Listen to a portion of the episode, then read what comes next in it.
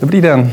Dobrý den, děkuji za pozvání. Vítejte v kapitole. Posaďte se, prosím. Děkuji.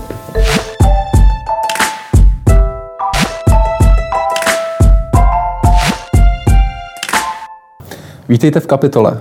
Dnešním hostem je Helena Horská, hlavní ekonomka Raiffeisen Bank a expertka iniciativy Koroner 20. Díky, že jste přišla. Děkuji za pozvání. Vaše jedna z posledních úvah je souvislost mezi tím, jak zvládneme očkování zde v České republice a rychlostí ekonomického restartu, který se k nám dostane. Jak si zatím vedeme? Hmm. Zatím to nevypadá nic moc dobře, uh, protože když se porovnáváme s ostatními okolními státy, nebudeme se porovnávat s Izraelí, protože to je úplně jiná situace, jiná země, ale může být nám vzorem, tak když se porovnáme s těmi okolními státy, tak jsme nejhorší. Nejsme the best in the COVID, ale jsme the worst in the COVID. Takže nejhorší. A myslím si, že to může být pro Českou republiku velké riziko a velké nebezpečí. Eh, kdyby nám ujel vlak eh, v tom a v té podobě, že bychom se nestačili připravit na další vlny pandemie a nestihli bychom proočkovat kritickou část populace, tu nejohroženější, tak to vlastně znamená, že budeme muset, na rozdíl od jiných států, které budou více proočkované, zase zavírat a otvírat ekonomiku. A to my velmi dobře víme, že nás stojí miliardy korun denně. Takže opravdu se tady jedná o velké částky ve ztrátě ekonomiky a je nutné opravdu vrhnout veškeré úsilí, veškeré iniciativy a společně táhnout za jeden pro vás a snažit se co nejdříve připravit do detailu logistiku očkování a začít skutečně opravdu hmm. masivně, opravdu masivně očkovat. Pojďme se o tom pobavit trošku v širších souvislostech, v nějakém větším obrázku. Je tohle skutečně ten velký zásadní moment, začátek náběh očkování, který rozhodne o stavu ekonomiky ne letos, ale pro příští roky, pro rok 2025. Je tohle ta možnost, jak posunout tu českou ekonomiku, třeba snížit závislost na tom automobilovém průmyslu, snížit závislost na Německu, pouštět se do nových odvětví? Tak náběh možná může být pozvolnější a pomalejší, protože my můžeme mít takový náběh, eh, jaký odpovídá dostatku vakcín, které máme k dispozici. Zatím ale Česká republika vlastně je takzvaně behind the curve, to znamená za křivkou. Eh, máme více vakcín k dispozici, než stíháme proočkovat, což je velká chyba a to je ten problém. Ale pokud nas, nasedneme do rozjetého vlaku a rychle doženeme takzvanou tu křivku a dostaneme se na úroveň té křivky a budeme tak rychle vakcinovat, jak budeme mít k dispozici vakcíny, tak tím pádem budeme na tom stejně jako jiné okolní státy, alespoň ty okolní státy, a nestratíme tolik konkurenceschopnosti. My jako země, malá, otevřená ekonomika, my se opravdu musíme srovnávat s ostatními ekonomikami a nejenom hmm. těmi, které nás obklopují, ale my bychom se měli srovnávat právě s tím Izraelem, protože Izrael nám může být v mnoha aspektech eh, vzácným příkladem. Izrael právě očkuje tak rychle, protože mimochodem má velmi digitalizovaný zdravotní systém. Tam čtyři zdravotní pojišťovny vědí o svých uvozovkách klientech, eh, kteří, který občanech eh, Izraele mnoho informací, tyto informace jsou digitální, je schopen je digitálně oslovovat a to řízení tím pádem očkování je vlastně jednoduché. A pojďme se podívat do České republiky. Jak je digitalizováno zdravotnictví České republice? Jak je digitalizována státní zpráva? Jinými slovy, podle mého názoru COVID a to očkování jako samotné jenom odhaluje ty naše dlouhodobé problémy. Dlouhodobé problémy s nedigitalizovanou státní zprávou, s nedostatkem často i fyzické infrastruktury, s naší neschopností vlastně rychle reagovat hmm. na některé výzvy. Ten pom- Proto se bojím, že ten dopad bude dlouhodobý. Ten pomalejší náběh toho očkování tedy přičítáte nedokonalé digitalizaci tady v České republice?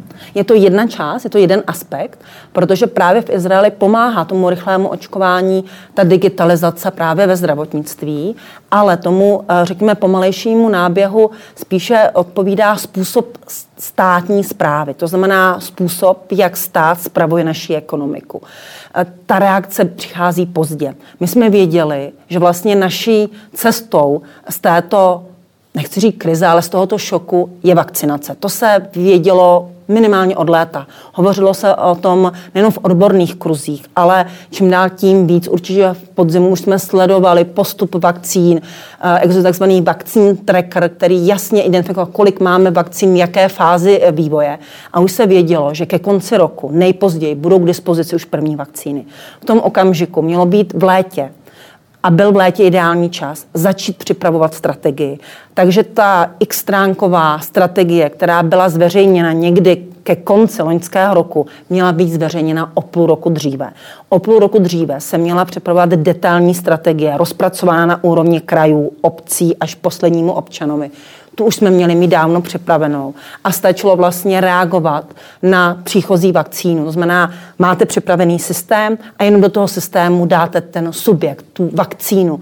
A ta vakcína by krásně takzvaně probublala tím systémem až tomu poslednímu občanovi, především teďka mluvíme o kritických eh, částech populace nebo skupinách obyvatel, což jsou důchodci, lidé, kteří staršího věku, samozřejmě zdravotníci, ale také zaměstnanci v sociálních službách. A tam to mělo probublat vlastně co nejrychleji. Je to jednorázové setkání, selhání, nebo je to takový systematičtější problém státní zprávy, se kterým se tady potýkáme třeba i ve více oblastech, a který je třeba napravit nějakými reforma, reformami, změnou mindsetu, myšlení. Hmm. Já si myslím, že eh, znova ten COVID vlastně odhalil tu hloubku našeho problému. Ty problémy tady byly vždycky, ale protože jsme žili vlastně před COVIDem v zlaté éře solidního růstu, nebylo vlastně třeba nic zásadního měnit a řešit, jenom my ekonomové jsme pořád rýpali, když to tak řeknu osobně, eh, že je potřeba některé věci změnit. Důchodová reforma není připravená, zdravotnictví je podfinancováno, školství potřebuje změnu. Tak my jsme si v, tom, v té bavlnce pěkně žili, houpali jsme se na tom obláčku pohody a pak přišel covid. A vlastně odhalil, co všechno v této zemi není dokonalé. Ono to není dokonalé nikde, ne, nedělejme si iluzi. Ale možná někde je to o něco méně horší než například u nás v případě digitalizace státní zprávy. Takže pak jsme viděli na jaře záběry, kdy lidé, kteří žádali o podporu nezaměstnanosti, eh, odevzdávali eh, do krabic eh, papíry se žádostí a přikládali k tomu občanské průkazy. Váš občanský průkaz, který je identifikačním průkazem pro vás, vůbec nemáte nikam odevzdávat. Hmm. A tam se vlastně odhalilo, co všechno ten náš stát podcenil dlouhodobě, co se tady dlouhodobě neřešilo. Takže jenom říct, ty problémy tady byly. Možná tím, jak jsme se houpali na tom obláčku růstu, všechno bylo v pohodě, ty problémy nebyly akutní. Nebyly tak patrný. akutní byly v okamžiku, kdy přišel covid a bylo nutné řešit věci včas, koordinovaně, to je velmi důležité, jak jsem říkala, včas a zároveň rychle a zároveň umět komunikovat s uh, občany, kteří byli postiženi, s občany, kteří i postiženi nebyli. To znamená umět komunikovat napříč uh, celým nejenom politickým spektrem, ale napříč celou společností. A to se odhalilo, že toto my jaksi úplně nezvládáme. Můžeme to nějak zachránit nyní? Shodneme se na tom, že jsou možná potřeba nějaké systémovější kroky, jak nastavit, nastavit ty, ten systém, aby fungoval lépe. Ale nyní, když jsme pozadu, sama jste to zmiňovala v, tom, v, tom, v, tom, v, té, vakcinaci, v té vakcinaci, v tom očkování, můžeme to nějak dohnat nějakým eh, tlakem na nějaký klíčový prvek systému, na, na, na nějaké preferenci? Hmm. Já si myslím, že nikdy uh, není, uh, nebo není třeba z, jakoby to vzdávat. Já si myslím, že uh, říkat teď, že to nemá smysl, že jsme tu šanci promarnili, to si myslím, že není na místě. Možná jsem optimista, ale já věřím v pokrok. Já si myslím, že lidé jsou schopni se poučit a myslím si, že to, co je třeba tady ocenit, je schopnost eh, našich občanů reagovat. Když nebyly roušky, šly se roušky. Eh, když bylo potřeba pomoct lidem, kteří byli v nevýhodě, lidé v okolí pomáhali.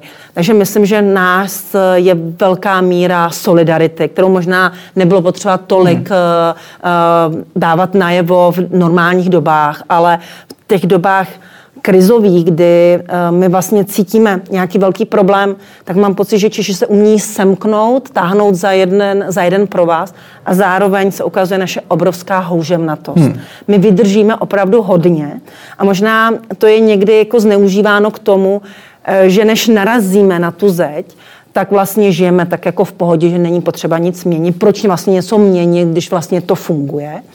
Ale když už se ten náraz blíží, možná už máme tu bouli na té hlavě a víme, že tou zdí neprojdeme, tak začneme ty věci řešit. A možná je teďka ten okamžik, kdy máme tu bouli na hlavě, ale je ještě čas, kdy nemusíme opravdu bourat tu zeď a můžeme si říct, tak pojďme to změnit a zkusme vymyslet dveře, kterými se přes tu zeď dostaneme.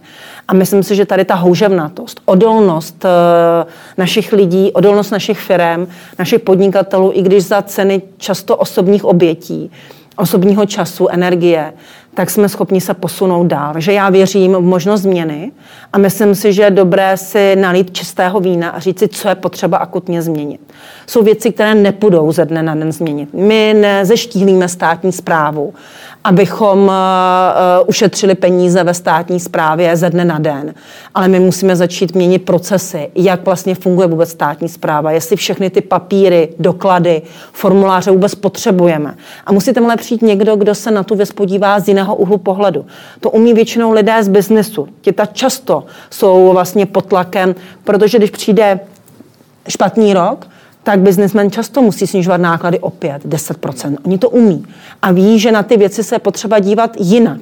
Že ten stejný systém nezměníte. Potřebujete k tomu papíru minimálně jednoho, kdo, kdo ten papír zpracuje, ale když se řekne, vůbec potřebujeme ten papír, třeba ten stát.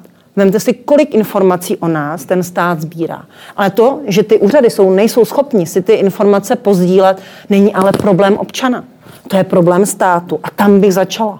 To znamená začít právě tím sdílením informací. Z biznesu máme pana premiéra, z biznesu máme pana ministra průmyslu a obchodu. Ta, ta biznesová zkušenost aspoň v těch nejvyšších patrech té politiky je evidentně. Přesto, přesto ten stav je tak, jak je. Mm. Nevím, jestli eh, kombinace biznesu a politiky eh, je podle mého názoru v tomto smyslu ideální, ale myslím si, že biznismeni, kteří jsou zvyklí dělat věci, takzvané startupy, kteří přemýšlí jinak, eh, jsou mozky, které by naši politici eh, měli mít u sebe, měli by jim naslouchat. Ne nutně tito lidé musí jít do politiky, Takže ale jako stačí, poradce. jako kdyby fungovali jako poradci. A já se vždycky ptám, co je motivace, motivací biznismena jít do politiky. To si myslím, že je dobré si tuto uh, otázku položit a ať si na ní každý odpoví hmm. sám. Eh, vy jste začala v takovém optimistickém duchu. Pojďme se chvíli zasnít, pojďme si říct, že eh, Česko vakcinaci zvládne. Co to bude znamenat pro tuzemskou ekonomiku krátkodobě a dlouhodobě? Pojďme si říct, že pan premiér tuším hovoří o tom, že chce provakcinovat asi 70% lidí do konce září. Co potom bude znamenat pro českou ekonomiku? Otevře se, otevřou se restaurace, kina, budou existovat očkovací pasy například, eh, kde lidi budou eh, moci jít do restaurace například pouze, pokud budou mít razítko, že jsou vakcinovaní. Jak to bude fungovat podle mm-hmm. vás? Já tuhle to miluji, já se ráda zasním eh, a budu snít o ekonomice, která bude v druhé polovině roku už bez uzavírek, takže už nebudeme mít zavírání, otvírání ekonomiky. Hmm. My vlastně ve své prognóze počítáme vlastně s oživením ekonomiky ve druhé polovině roku právě díky tomu, že ta kritická část populace, říká se podle informací, které mám načteny, okolo 60 až 70% celé populace je potřeba proočkovat, abychom získali tu kolektivní imunitu a minimálně ochránili právě ty nejrizikovější skupiny. Ačkoliv ten vir se může tou společností šířit, ale nebude tolik ohrožovat jednak občany a jednak hlavně e, zdravotní systém, který by zase mohl mít problém se svými kapacitami.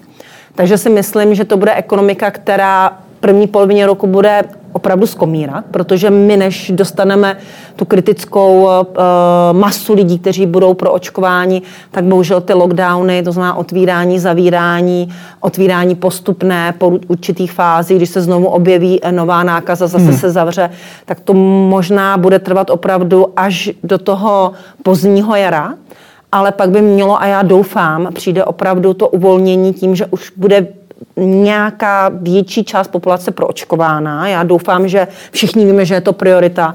A myslím si, že ty kraje opravdu udělají maximum pro to, aby došlo k proočkování. Že tam bude ta masa, ta iniciativa lidí, kteří jsou do toho zapojeni. Já vidím vlastně tu, to obrovské úsilí zdravotníků, kteří se snaží hmm. opravdu proočkovat, co je potřeba, tak já v ní věřím, že vlastně ta masa lidí zajistí to, co je potřeba udělat.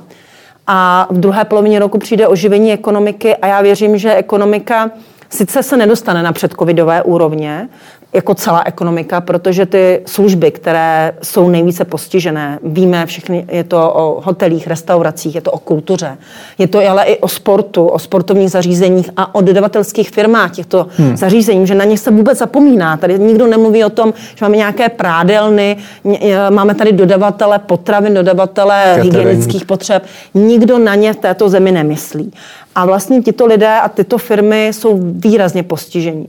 A ty se jen tak z toho, upřímně řečeno, nevybabrají. To znamená, oni potřebují zákazníky, oni potřebují ty zákazníky dostat do svých provozoven.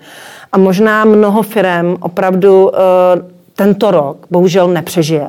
Já říkám bohužel, myslím to upřímně. Tento rok, tento nový rok 2020. Protože mimochodem, teď jsem zahlédla statistiku, ono totiž uh, statistika úpadků firm je zkreslená takzvaným Lex, Lex COVID. To znamená uh, zrušení povinnosti dlužníka uvést na sebe konkurs uh, v rámci uh, ta, této zákonné hmm. úpravy. Ale co je zajímavé, je, že o 43% více lidí přerušilo své podnikání než, než v roce 2019. Eh, hmm. Takže na konci roku 2020 skoro o více než polovinu lidí ukončilo uh, právě to, podnika, to podnikání. A to mě signalizuje, že to je ten problém, který opravdu vnímáme a může se stát. Opravdu je to ošklivé říci, ale já se obávám, že možná polovina právě těch nejpostiž, nejpostiženějších sektorů, firm z nejpostiženějších hmm. sektorů, hotely, restaurace, kultura, bude mít problém přežít. Ale v té druhé polovině roku ti, co budou mít štěstí a kteří mají to zapálení a často teď to dělají v uvozovkách na dluh a v tou budoucí víru, že se všechno, všechno spraví, tak budou, uh, budou fungovat a uh, v druhé polovině roku zažijeme, já věřím, v růst, který bude určitě tažen, a to už vidíme teď, průmyslem, exportem, protože ona nás vytahuje z toho největšího problému německá ekonomika. My tomu říkáme ekonomové efekt lokomotivy. Takže si představte opravdu německou silnou lokomotivu, která burácí až eh, praskají skleničky v blízkosti železnice a blízkosti, blízkosti železniční tratě. A my jsme ten vagon, který se nechá vést z té hmm. recese, z toho propadu ven. A to nám pomůže eh, minimálně na to nakopnutí to, té rekonvalescence, eh, té, té takzvané nastartování té ekonomiky hmm. a do toho se přidají ty služby. Ale v okamžiku, kdy už budeme moci mít otevřeno a budeme se moc eh, potkávat, stýkat a fungovat, jako jsme fungovali v roce 2019. Jak dlouho podle vás potrvá rekonvalescence sektoru služeb? Vy hovoříte o tom, že nás vytáhne průmysl, mašina, ale ten sektor, sektor služeb těch kadeřnictví, toho gastrosektoru, všech těch dodavatelských řetězců, jak dlouho potrvá, než se znovu obnoví na nějaké předkrizové úrovně? Já jenom začnu tím, kde jsme. No, takže víme, že průmysl se tip-top kolísá okolo předcovidových úrovní, export, možná to někoho překvapí, ten, kdo sleduje moje sociální sítě, tak ho to nepřekvapí, že to tam je. A jsou tam grafy, jsme už po čtvrté nad předcovidovou úrovní. Takže jenom dokládám tím, že export už je na předcovidové úrovni a krásně roste. Doufám, že to tak bude trvat eh, dál a že poroste díky zahraničním zakázkám, kež by byly i ty domácí. A co se týká služeb, tak tady začnu těmi smutnými čísly. Protože když se podíváme vlastně na eh, například na restaurace, tak restaurace, máme data za říjen, byly na poloviční úrovni tržeb eh, v říjnu loňského roku. To znamená, služby jsou na poloviční úrovni oblasti restaurací a to ještě nebyl ten prosinec, kdy došlo hmm. k dalšímu zpřísnění, takže budou pod méně než polovinou. Co se týká eh, právě, právě hotelu, tak ty bohužel byly dokonce jenom na dvacetině. Hmm té, eh, té běžné úrovni tržeb. A myslím si, že vlastně No, myslím si, je jasné, že teď se pohybují blízko vlastně nuly, když pomineme nějaké takzvané služební cesty. A to je ta, to je ta výchozí situace. A kdy tyhle ty služby se dostanou na, na předcovidovou úroveň, to je velmi těžké říci. A mám obavu, že to bude trvat opravdu delší dobu. Hmm. Výrazně delší dobu než v případě průmyslu a už zmiňovaného exportu. A myslím, že to nebude ani rok 2022. Eh, chtěla bych být optimistou v této oblasti. Chtěla bych věřit, že my všichni, eh, kteří se budeme chtít, nebo kteří budou chtít podpořit svého restauratéra, svoji oblíbenou restauraci, svůj oblíbený uh, bar nebo kulturu, to znamená oblíbená divadla, kina a půjdou a budou naštěvovat výrazně častěji tato představení svoje restaurace tak i když budeme pomáhat, eh, seč se nám bude stačit, tak myslím si, že nezvládneme eh, vynahradit eh, restauratérům a hoteliérům ty ztráty, hmm. které zažili v roce 2019 i v první polovině roku 2021. Pojďme trošku na dlouhodobější předpověď. Spousta ekonomů říká, že krize je příležitost. Evropská unie to poslední dobou se snaží říkat také, vidí v tom příležitost té současné krizi k tomu, aby se národní ekonomiky trošku přebudovaly na vyšší úroveň, na vyšší energetické číslo, eh, aby se zaměřovaly na umělou inteligenci, nanotechnologie, farmacie a tak dále. Máme k tomu fond obnovy, ze kterého máme přislíbeno 180 miliard, co takového. Jsme na tu výzvu připravení, máme k tomu projekty, máme k tomu myšlenkové zázemí, aby jsme mohli se posunout mm-hmm. tím letím směrem. Já myslím, že Česká republika má co nabídnout. Máme tady eh, stále početnější počet takzvaných ostrůvků pozitivní deviace. To znamená těch pozitivních příkladů firm, které jsou na světové úrovni, ne evropské, ale světové hmm. úrovni. Chybí nám ti uh, světoví lídři, takové ty firmy, které jsou veliké i z hlediska aspoň evropské úrovně. Ale ono není jednoduché vybrat takhle velikánskou firmu. Ono to nějakou dobu trvá a my vlastně ten český kapitál je pořád mladý kapitál a potřebuje na to čas, ale také prostředí. A už jsme zase zpátky u toho prostředí. To znamená, proto, aby tady vznikaly uh, tak, takové velké firmy, aspoň evropské úrovně, potřebují tyto firmy stabilní prostředí. A to není prostředí, ve kterém se vám mění daně na konci roku. To není prostředí, kdy nevíte, jaké daně budete platit druhý den. Nevíte, kdy a jaké podmínky se eh, třeba v případě nějaké podpory eh, dostanete. Nevíte, jestli tu podporu dostanete nebo nedostanete. Eh, vláda něco vyhlásí, premiér svými ústy slíbí výraznou podporu, vzpomeňme si na částku 1,2 bilionu korun a ta skutečná pomoc se počítá v řádech stovek miliard korun. Takže místo 20% pomoci v eh, velikosti hmm. HDP jsme se dostali na 6% HDP eh, v objemu pomoci hmm. české ekonomice. Takže to jsou všechno aspekty, které možná eh, někomu se zdají, no jo, tak slib, ale to není realita. Ale to jsou všechno věci, které budují důvěru důvěru podnikatelů, důvěru občanů ve stát, schopnost státu v případě problémů se jich zastat a také nějaká pravidla hry. A my potřebujeme mít přesná pravidla hry. Potřebujeme stabilní prostředí, předvídatelné prostředí pro to, aby ty firmy tady vznikaly, aby se rozvíjely, aby vlastně budovaly a rostly. A myslím si, že máme potenciál, ale nesmíme ho udusat a zadupat do země. A to si myslím, že teďka trochu děláme tím nestabilním prostředím, častými změnami a tou neúplně povedenou komunikací, která eh, je činěna.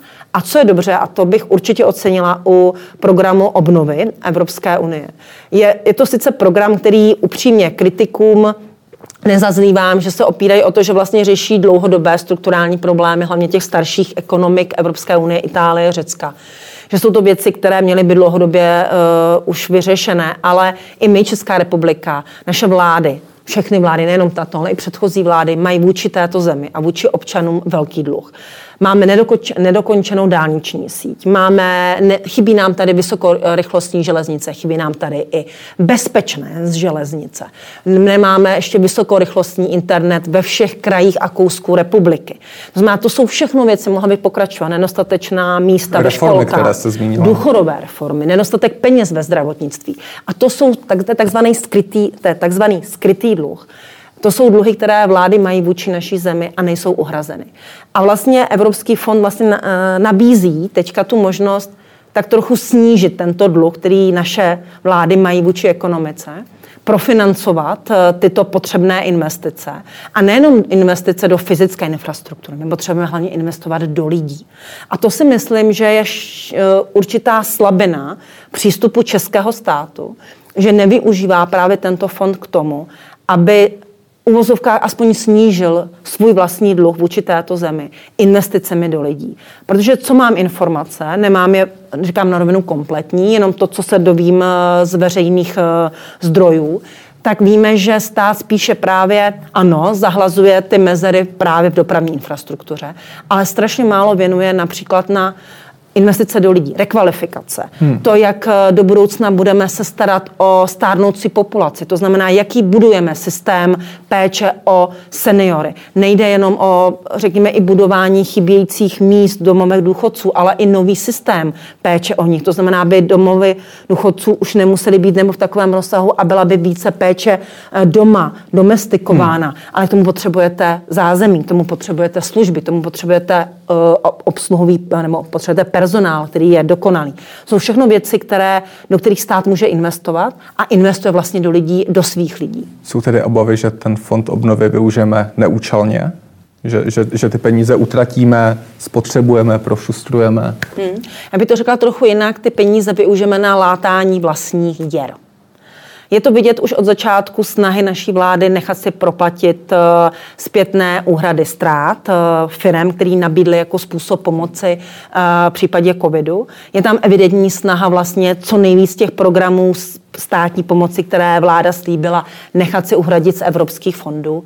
A to si myslím, že by nemělo být primární účel. Hmm. Primární účel by mělo být, podívejte, máme tady peníze, které jsou nám k dispozici, pojďme je využít maximálně, spočítejme si projekty, které jsou výnosné, ano, dálnice to určitě je, rychlostní železnice to je také, ale je tam ta malá váha kladena právě na ty investice do lidí, do rekvalifikací, do více aktivního například zaměstnávání žen, jejich návratu podle jejich hmm. volby, návratu do zaměstnání.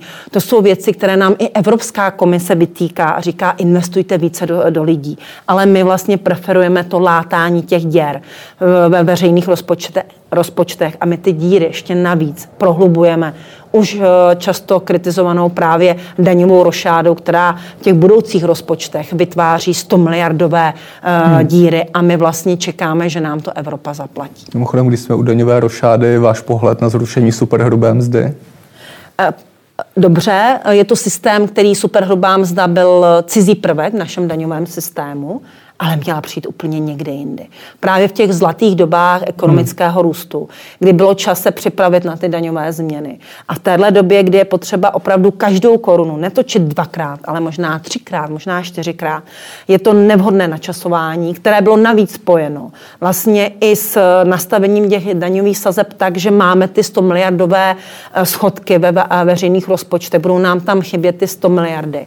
A vlastně ten eh, dopad, eh, který bychom nejvíc potřebovali na ty osoby, které mají nízké příjmy, které jsou vlastně jsou tou nejohroženější skupinou, eh, která podléhá teďka výpadku v hmm. příjmech, hmm. mají nízké příjmy, tak místo toho, aby, když už chceme eh, lidem dát více peněz, aby se právě to více peněz soustředilo na tyto nejrizikovější, nejzranitelnější skupiny, tak my vlastně rozdáváme po celé té křivce příjmové a ti výše příjmoví to nevěnují na nákup zboží z české promenejence. Ty to většinou buď uspoří a ještě navíc nakoupí nemovitosti, takže podpoří bublinu v cenách nemovitostí, nebo to, hmm. to utratí, ale kde? Možná na zahraniční dovolené, nebo to zainvestují, dobře, možná koupí eh, státní dluhopisy české vlády, ale asi ve větší míře se radši nakoupí dluhopisy a cené papíry v zahraničí. Ty peníze z té ekonomiky odplynou. Hmm. Zatímco, kdyby se to dalo rodinám, které mají příjmy podprůměrné, tak většina těch peněz, neříkám všechny, ale většina těch peněz zůstane v ekonomice, protože i tak to spotřební zboží, které kupujeme, hmm. je z části z dovozu. Takže vždycky tam nějaký odliv z té ekonomiky je, ale ten příliv a ten dopad eh, těch eh, uvolněných peněz na ekonomiku u skupiny nízkopříjmových by byl určitě vyšší. Eh, měli bychom z toho větší dopad, ekonomika by byla více podpořena, než když pustíme, pustíme tu daňovou hmm. sazbu a snížíme daňové příjmy. Všem. Na to ukázala ta studie Vysoké školy ekonomické, pokud si vybavuju, že ten vliv na tu zemskou ekonomiku by byl reálně vyšší. Pokud a my jsme bylo... vlastně tuhle studii vlastně prohloubili, eh, tu analýzu právě dopadu, co by to nejenom znamenalo pro příjmy domácností, to znamená v průměru nám vychází průměrný průměrný nárůst čistý příjmu 8%, což je velmi příjemné. V průměru 8% je velmi hezké, ale z těch 100 miliard, které eh, v letošním roce, o které přijde státní rozpočet, tak možná pro něho to bude překvapení, ale pouze 43 miliard z toho podle modelů půjde do spotřeby a z toho další částka půjde na dovoz boží právě z toho dovozu. Mm-hmm. Protože každá koruna, eh, kterou my věnujeme tak na spotřebu, tak 22 haléřů jde právě z dovozu. Takže ve, ve finále my budeme mít schodek zhruba o 1,6-1,7% bodu vyšší, než bychom měli mít, ale dopad hmm. na ekonomiku bude maximálně 7 desetinek procentních bodů. Takže na těch miskách váh máme propad eh, ekonomiky, eh, pardon, máme tady eh, propad příjmů o velké sumy o 100 miliard korun a proti tomu máme zvýšení spotřeby o 43 hmm. miliard. Pojďme se vrátit k pozitivním příkladům, pozitivní definice k těm ostrovkům. Vznikají díky státu nebo jemu navzdory? Protože objevují se, objevují se um, názory, kolega Michal Půr tady komentoval nedávno, že právě ty dobré praxe a ty příklady úspěšných, agilních firm, které se zaměřují na nové technologie, tady vznikají navzdory těm starým státním strukturám, navzdory tomu prostředí, které tady funguje, navzdory všem těm nedokonalostem, které jsme dřív tady vyjmenovali před chvílí. Hmm. Jak to vidíte? Možná se musím připojit. Eh, asi bych taky, eh, ne asi, já prostě volím ano, navzdory, navzdory eh, všemu tomu, co tady prožíváme. Zmiňovala jsem i tu nestabilitu prostředí nejenom daňového, ale i právního prostředí. Hmm. Určitý chaos, ad hoc řešení. Ono to jde samozřejmě a je to ospravedlnitelné v době šoku, který jsme zažili ale v normální dobách by ta země měla mít nějakou strategii, vizi a, realizovat ji. My máme samozřejmě strašně moc strategií a vizí v šuplících. Eh, málo kdo to přečetl, vlastně málo kdo o tom ví. Ale vlastně oni se ty strategie nerealizují a to je ten problém, hmm. to je ten největší problém. A ty ostrůvky pozitivní deviace jsou vlastně tady proto, protože jsme ten národ houževnatý. My vlastně si tak nějak jako švejk umíme poradit jakékoliv situaci ale kdyby ta situace byla jednodušší, tak možná bychom nemuseli tolik energie plítvat na to, abychom se procházeli daňovými změnami, abychom museli najímat daňové experty, který nám, kteří nám budou radit, jak se vlastně v této situaci zachovat, co všechno máme udělat. A šetřili bychom energii, ale i peníze. Hmm. Takže myslím si, že by všem podnikatelům se v této zemi žilo lépe, kdyby měli stabilnější prostředí. A vlastně často slyším i na sociálních sítích odpovědi, nám bude bohatě stačit, když nám stát nebude házet klacky pod nohy. Hmm. My nechceme od ní nic. A co si myslím, že je velmi důležité, a to bychom si my jako uh, voliči měli určitě ohlídat, je i určité nebezpečí v tom, jak bude vypadat naše ekonomika post-covidová. Protože v době, kdy vlastně eh, teď v současné době ospravedlujeme veškeré zásahy státu do ekonomiky, protože bereme, že je to zásah protikrizový. Je to něco, co tady je, protože máme tady výjimečnou situaci. Ale jenom připomenu, že vlastně za loňský rok, rok 2020, se zvýšily dotace v eh, podnikům o více než dvojnásobně. To znamená, my jsme mývali už před covidem podíl dotací do ekonomiky na úrovni 6% velikosti hmm. ekonomiky. A když řeknu velmi zhruba, když se tento, tato úroveň eh, zvýší, tak už tam bude 12% eh, podílu dotací na hrubém domácím produktu, tedy roční uh, produkce ekonomiky. A výdaje už nám pomalu rostou k 50% výdaje veřejného sektoru, hmm. výdaje tedy veřejných institucí, nám rostou k 50 50% roční produkce ekonomiky. Jinými slovy, přes ten stát už jde polovina roční produkce ekonomiky. Já chci jenom tady na to upozornit, že to je něco, co znamená velký stát. Tohle není štíhlý stát, takhle nevypadá štíhlý stát a takhle nevypadá efektivní ekonomika. Hmm. Takže musíme se připravit na to, že stát, jakmile to jenom půjde, by měl z té ekonomiky rychle vycouvat. A my jako voliči bychom měli to potom státu vyžadovat. Hmm. Pojďme na poslední otázku. Vy jste hovořila o těch plánech, které zůstávají v šuplíku. Jak je na tom Koronerv? Iniciativa ekonomů, odborníků, máte experty na školství, na zdravotnictví mezi vámi. E, představili jste určitý koherentní plán, určitou vizi. Jakou máte vůči této vizi vlastně reakci od státu nebo od e, dalších stakeholderů? Asi vás odpověď nepřekvapí žádnou. Kdo má zájem, podívejte se na webové stránky Koronervu 20. Máme tam Koronerv 2025, jakoby snaha vidět tu vizi. Koronext. Ano, ano, a jmenuje se to i Koronext, aby bylo vidět, že prostě to je něco, kam bychom měli směřovat a co bychom chtěli a viděli tu ekonomiku v budoucnosti. A myslím si, že eh, je to věc, která je zajímavá a určitě jsme otevřeni k diskuzi, co všechno hmm. se dá doplnit, rozšířit. A e, naše skupina se snaží veřejně tyto věci e, diskutovat, snažíme se tyto věci vynést vlastně na veřejnost a e, nabídnout naše řešení, které my tak vidíme, ale jsme připraveni tyto otázky opravdu diskutovat s odborníky.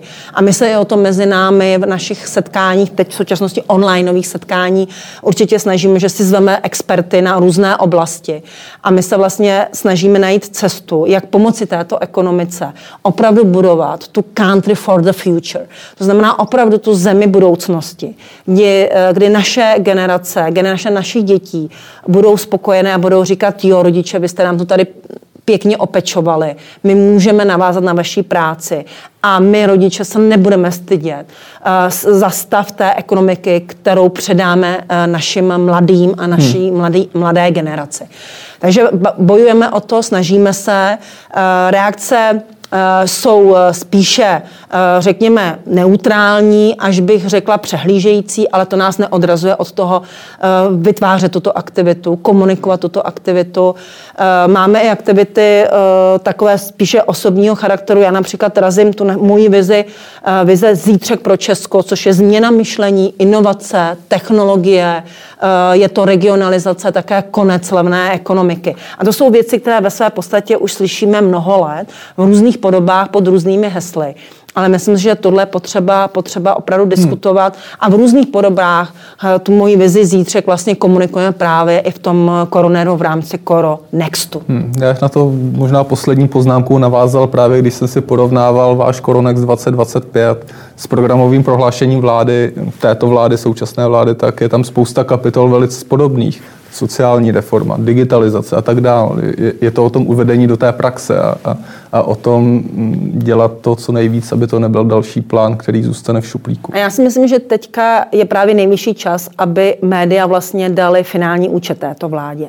Podívat se, jak byl volební program, a my vlastně občané můžeme udělat to samé, udělat si vlastně kontrolní součet, co bylo dáno a co bylo slíbeno.